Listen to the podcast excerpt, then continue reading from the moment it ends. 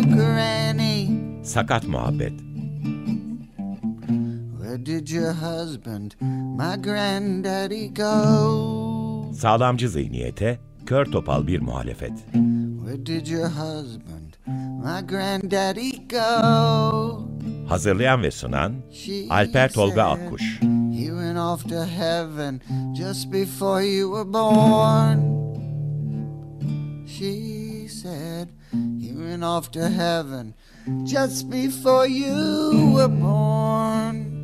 And she said, You are the light of my life and the beat of my heart. She said, You are the light of my life and the beat of my heart. She said, You are the light of my life and the beat of my heart. She said, You are the light of my life and the beat of my heart. Merhaba, Açık Radyo 95.0'a Sağlamcı Zihniyet'in Kör Topal muhalifi Sakat Muhabbet programına hoş geldiniz. Ben Alper Tolga Akkuş. 3 Aralık Dünya Sakatlar Günü'nün hemen ertesinde sizle karşınızdayız şu anda. Ve ben de bugüne özel bir konu ve konuklarla karşınızda olmayı düşündüm. Bir ALS hastası Ketrin Ercamant'ın yaşamının bir bölümüne eşlik etmemizi sağlayan İstanbul Film Festivali Belgesel Ödülü dahil pek çok festivalde ödüllerle dönen Eat Your Catfish belgeselinin yönetmenleri bu hafta konuklarımız. Bu arada belgeselin de Mubi portalında gösterimine girdiğini izleyebileceğinizi söyleyeyim. Konuklarımız Senem Tüzen ve Noah Arcamant. Senem, Noah hoş geldiniz. Nasılsınız, iyi misiniz? Hoş bulduk, teşekkürler. İyiyiz. İyiyiz. Tabii üç yönetmeni var belgeselin. Adam Eisenberg'ler yönetmen ama Adam'ın şu an bize katılamadı. Onu da söyleyeyim. Noah da Türkçe biliyor. Türkiye ile ilgili sosyoloji anlamında bir tez yürütüyor hala kendisi. Biz tabii ama belgeseli konuşacağız önce. Belgeselin sinematik yapısına dair çok yerde konuştuğunuzu biliyorum. Ben de okudum, izledim. Hatta altyazıda Berke Göle röportajınızı okumuştum. Tabii Açık Radyo'da Sinefil programına Senem konuk olmuştu. Melis Behlil ve Yeşim Burul'la konuşmuştu. Onları da dinledim, izledim ama tabii Sakat Muhabbet programında biz sinemasal değil, sakatlık yönüne doğru bir şey konuşacağız. İlk sorum da izninle Senem Noah olacak. Noah, başlangıçta belgeselin ALS hastası Ketrin Arcamant'ın hayatına dair olduğunu söylemiştim. Sen de Noah Arcamant, onun oğlusun. Te- tekrar hoş geldin programımıza. Tabii bu arada 2017'de annenin vefat ettiğini de ben ileteyim dinleyenlere. Başın sağ olsun, toprağı bol olsun diyoruz biz Türkiye'de rahmetli olan insanlar için. Annenin ALS hastası teşhisini aldığı ilk günden belgeselin gösterime girdiği güne kadarki süreci aileden biri olarak ve sakat bir aile ferdinin yanında olmuş birisi olarak özetler misin bize? Evet, tekrar hoş bulduk. Ve ben aslında tanısı aldığı günden önce başlayayım. Biz, ben çocukken biz New York'ta oturduk. Babam bir üniversitede çalıştı, profesördü. Annem de bir dönem ev hanımıydı. Bir dönemde yabancılara İngilizce öğretti. Ve ben, yani ablamla ben e, liseden mezun olduktan sonra onlar o zaman e, New York şehrine yani Manhattan'a taşındılar. Çocuklar gitti biz sonunda zevk alalım diye metropole taşındılar. Ama ne yazık ki birkaç yıl sonra annemin öncelikle bir ayağında tuhaf bir güçsüzlük hissetti. Değişik değişik doktorlarla görüştü. Sonunda alt tanısı geldi ve ben o zaman lisans yani üniversite bitirmek üzerindeydim ve ona bakmak için e, benim de New York'ta kalmamı istedi. Onun için ben 2010'da New York'a taşındım ve 3 yıl sonra 2013'te aynı daireye taşındım. Yani hep birlikteydik. Ve nasıl anlatırım? Öncelikle doktor 3 yıl sonra hemen hemen 3 yıl sonra öleceksin diye prognoz verdi. Yani ortalama 3 yıl dedi. Ama bu prognozda önemli bir eksik, bir önemli bir detay, bir, bir detay eksik kaldı ki evet normalde bir insan 3-4 yıldan sonra bir ALS e, hastası vefat eder çünkü yani nefes alamaz. Ama yardımcı teknoloji ile yani bir e, trakeostomi ameliyatı olursa da bir solunum desteği cihazı kullanırsa bir ALS e, hastası çok daha uzunca hayatta kalabilir ve annem bu trakeostomi yolunu seçti. Onun için ben onunla birlikte oturduğum zaman hemen hemen felç, felçliydi ve solunum cihazına bağlıydı. Ve nasıl anlatırım? Yani ALS çok vicdansız bir hastalık.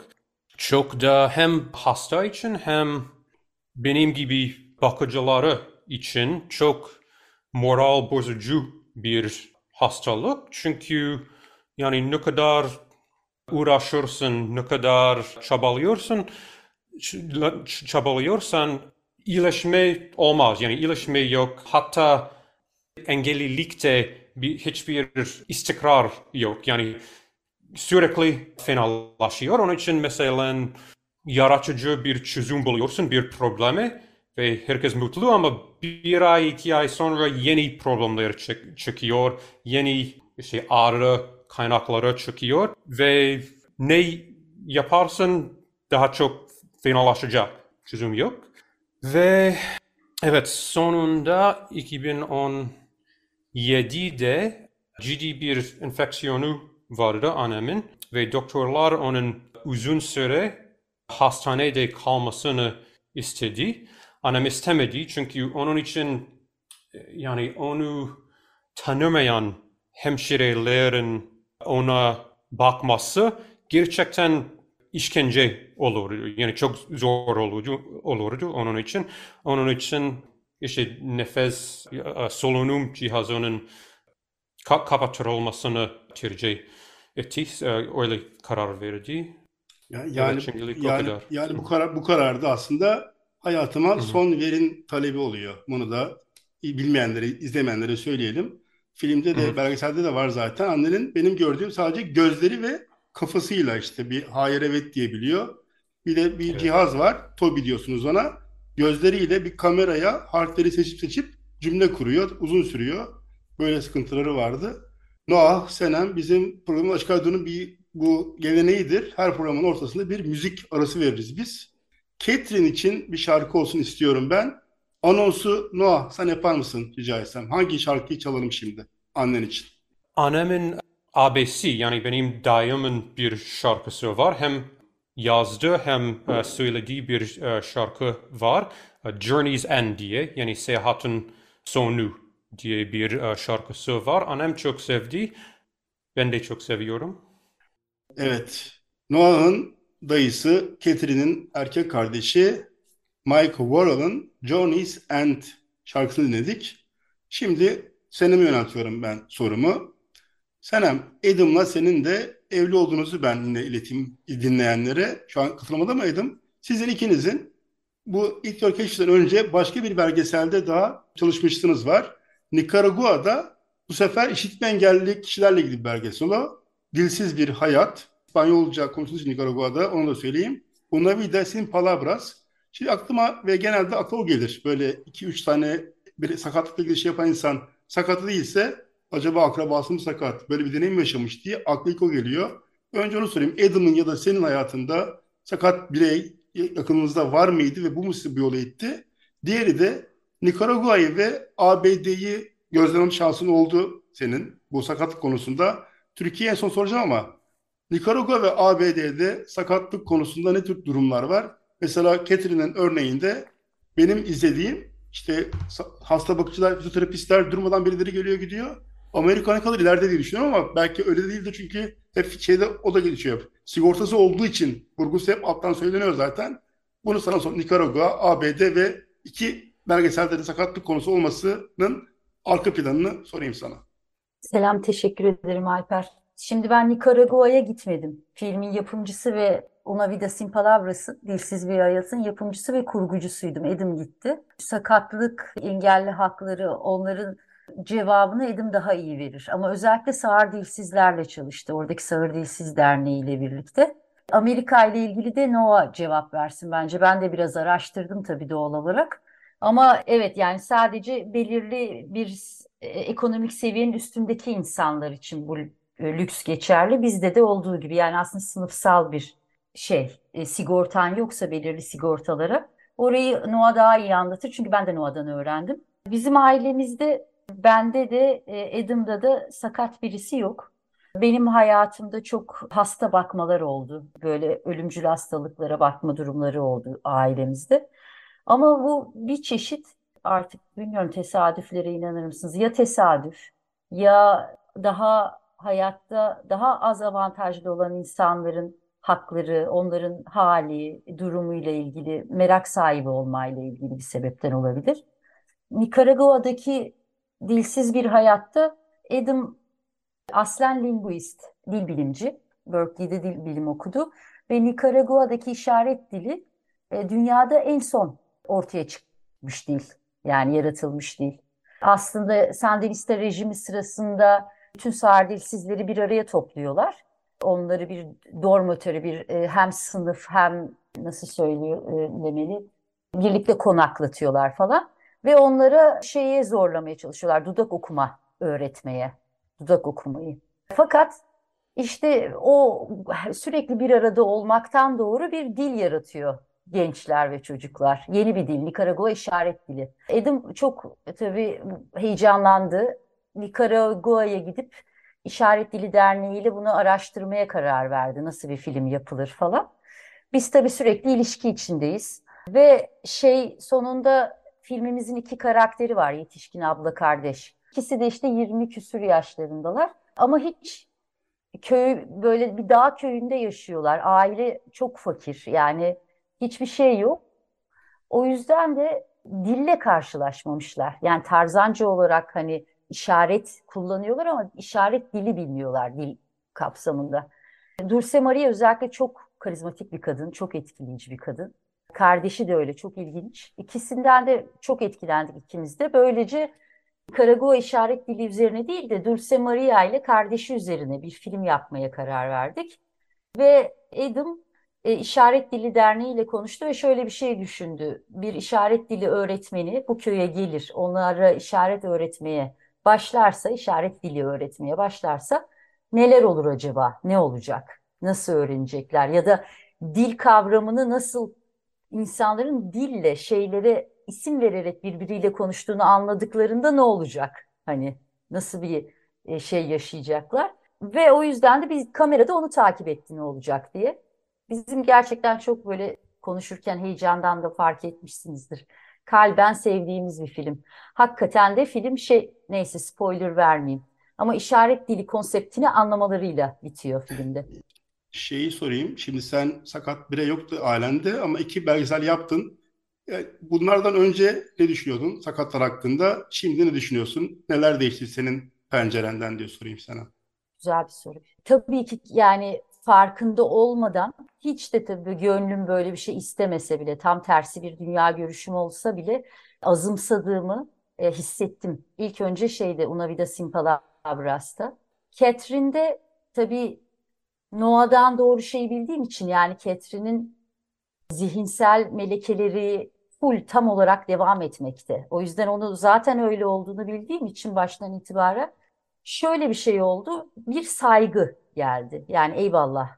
Yani çünkü e, yaşadığı acı ve e, fiziksel acıdan sadece bahsediyorum. Yani e, maddesel anlamda o kadar büyük ki e, bunu e, tevekkülle, olgunlukla kabul edip bir yandan çoluğuna çocuğuna hala anne olmaya gayret etmek, hala hayattan zevk almaya çalışmak, hala okumak, e, takip etmek, böyle bir yaşam sevincine sahip olmak şapka çıkarttırdı bana yani. Hakikaten e, saygı çok büyük bir saygı hissettim ve Catherine'de böyle olduğuna göre tanımadığım daha nice engelli de böyle olacağını ya da e, ağır hastalıklarla mücadele eden insanda böyle bir içsel güç olucu olduğunu e, fark ettim.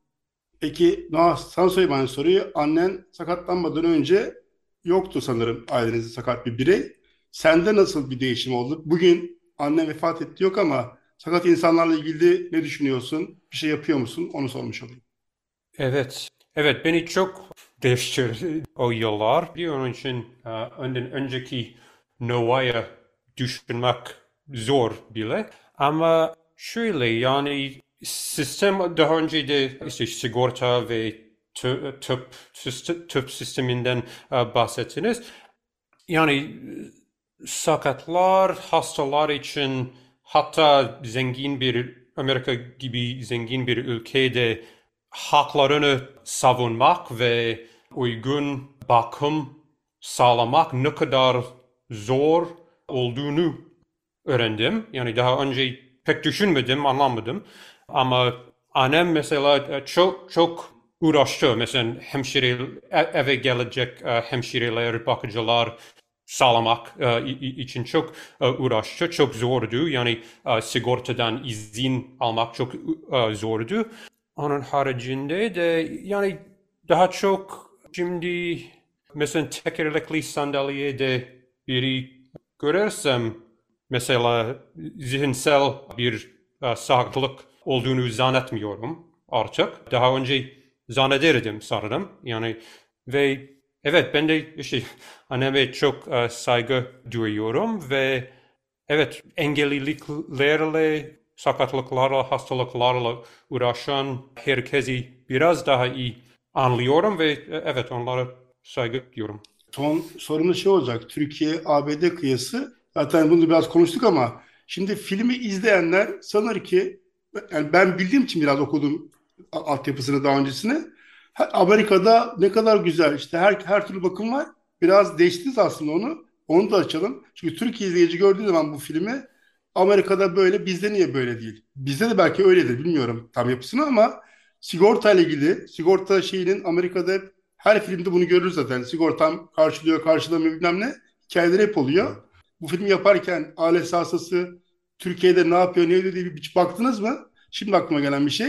Yani Amerika-Türkiye kıyasını ne, ne derece biliyorsunuz bilmiyorum ama ona da girelim isterseniz. Sakatlar günü vesilesiyle konuşuyoruz ya programa. Ben aslında başka bir Türkiye e, konusunda çok fazla e, bilgili değilim ama başka bir ülkeyle e, kıyasla, kıyaslayabilirim İran ile.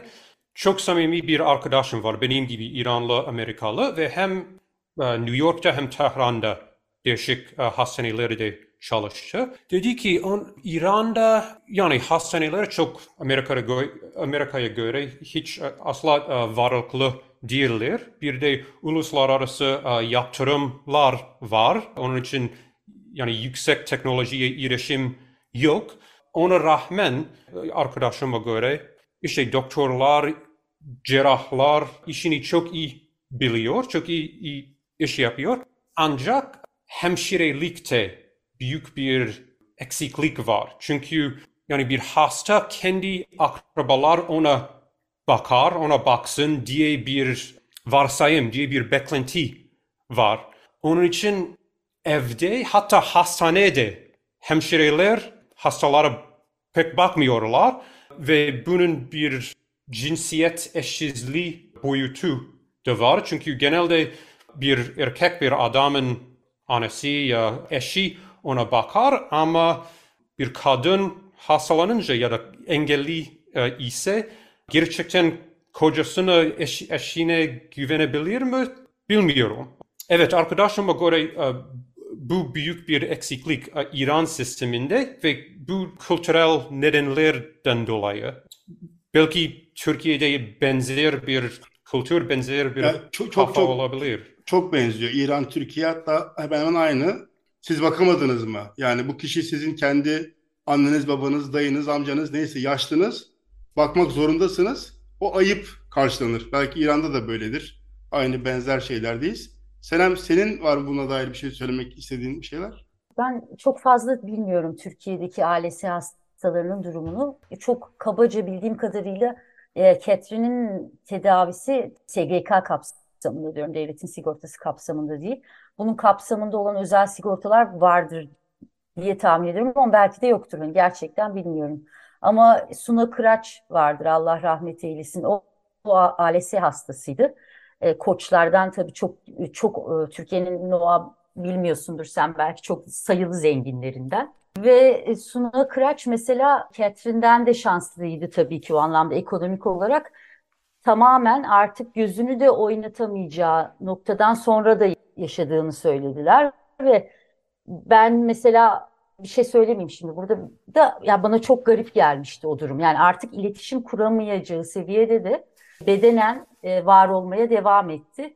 Tabii ki o tedavi koşulları çok iyi olduğu için o noktaya kadar gelmiştir diye tahmin ediyorum ama bilgim çok şey, kısıtlı. En sonunda filmin şey diyor Catherine zaten. En sonunda diyor ki önce tabii çocuklarına vasiyet gibi konuşuyor. Sizi çok seviyorum, mutlu olun diyor. Sonra da diyor ki bu filmi izleyenler zavallı nasıl böyle yaşayabilir demezler umarım. Umarım şöyle derler. Ne yaman bir kadınmış. Şimdi Catherine'e ne yaman bir kadınmış diyelim. Onun da vasiyeti böyleydi zaten. Son sözlerinizi alarak bitirelim. Önce Noah senden, sonra Senem'den alacağım. Evet çok çok teşekkür ederim. Ağzına sağlık. Evet yani katılıyorum bence. Annem çok cesur bir kadındı ve umarım filmimiz benzer hastalıklarla e, uğraşanlar onlara en azından yalnız olmadıklarını gösterir diye ümit ediyorum. Çok sağ olasın. Senem, senden de alayım son sözlerini. Ben de aynı şekilde öncelikle hem Noah'ya e, hem Catherine ve tüm Arjament ailesine teşekkür ediyorum. Çünkü bize, Edimo ve bana çok kişisel, çok mahrem bir malzeme teslim ettiler, güvendiler. Beraber bu filmi yaptık. Ben de evet aynen Noah gibi inşallah e, bu süreçlerden geçen insanlar yalnız olmadığını hissederler ve onlara bir el atmış, onların omuzuna e, yumuşak, sevgi dolu bir el atmış oluruz diye ümit ediyorum. Çok çok sağ olun konuk olduğunuz için. Tabii bu arada Senem Süzen'in de Ana Yurdu isminde bir uzun metraj filmi olduğunu da ben buradan söylemiş olayım. Ben de izlemiştim onu. Sakat Muhabbet'te bu hafta 3 Aralık Dünya Sakatlar Günü'ne özel Eat Your Catfish belgeselinin yönetmenlerinin ikisini Noah Arcamant ile Senem Tüzen'i konuk ettik. Catherine Arcamant'a da bir daha toprağı bol olsun diyoruz. Bir dahaki bölümde buluşmak üzere. Hoşçakalın.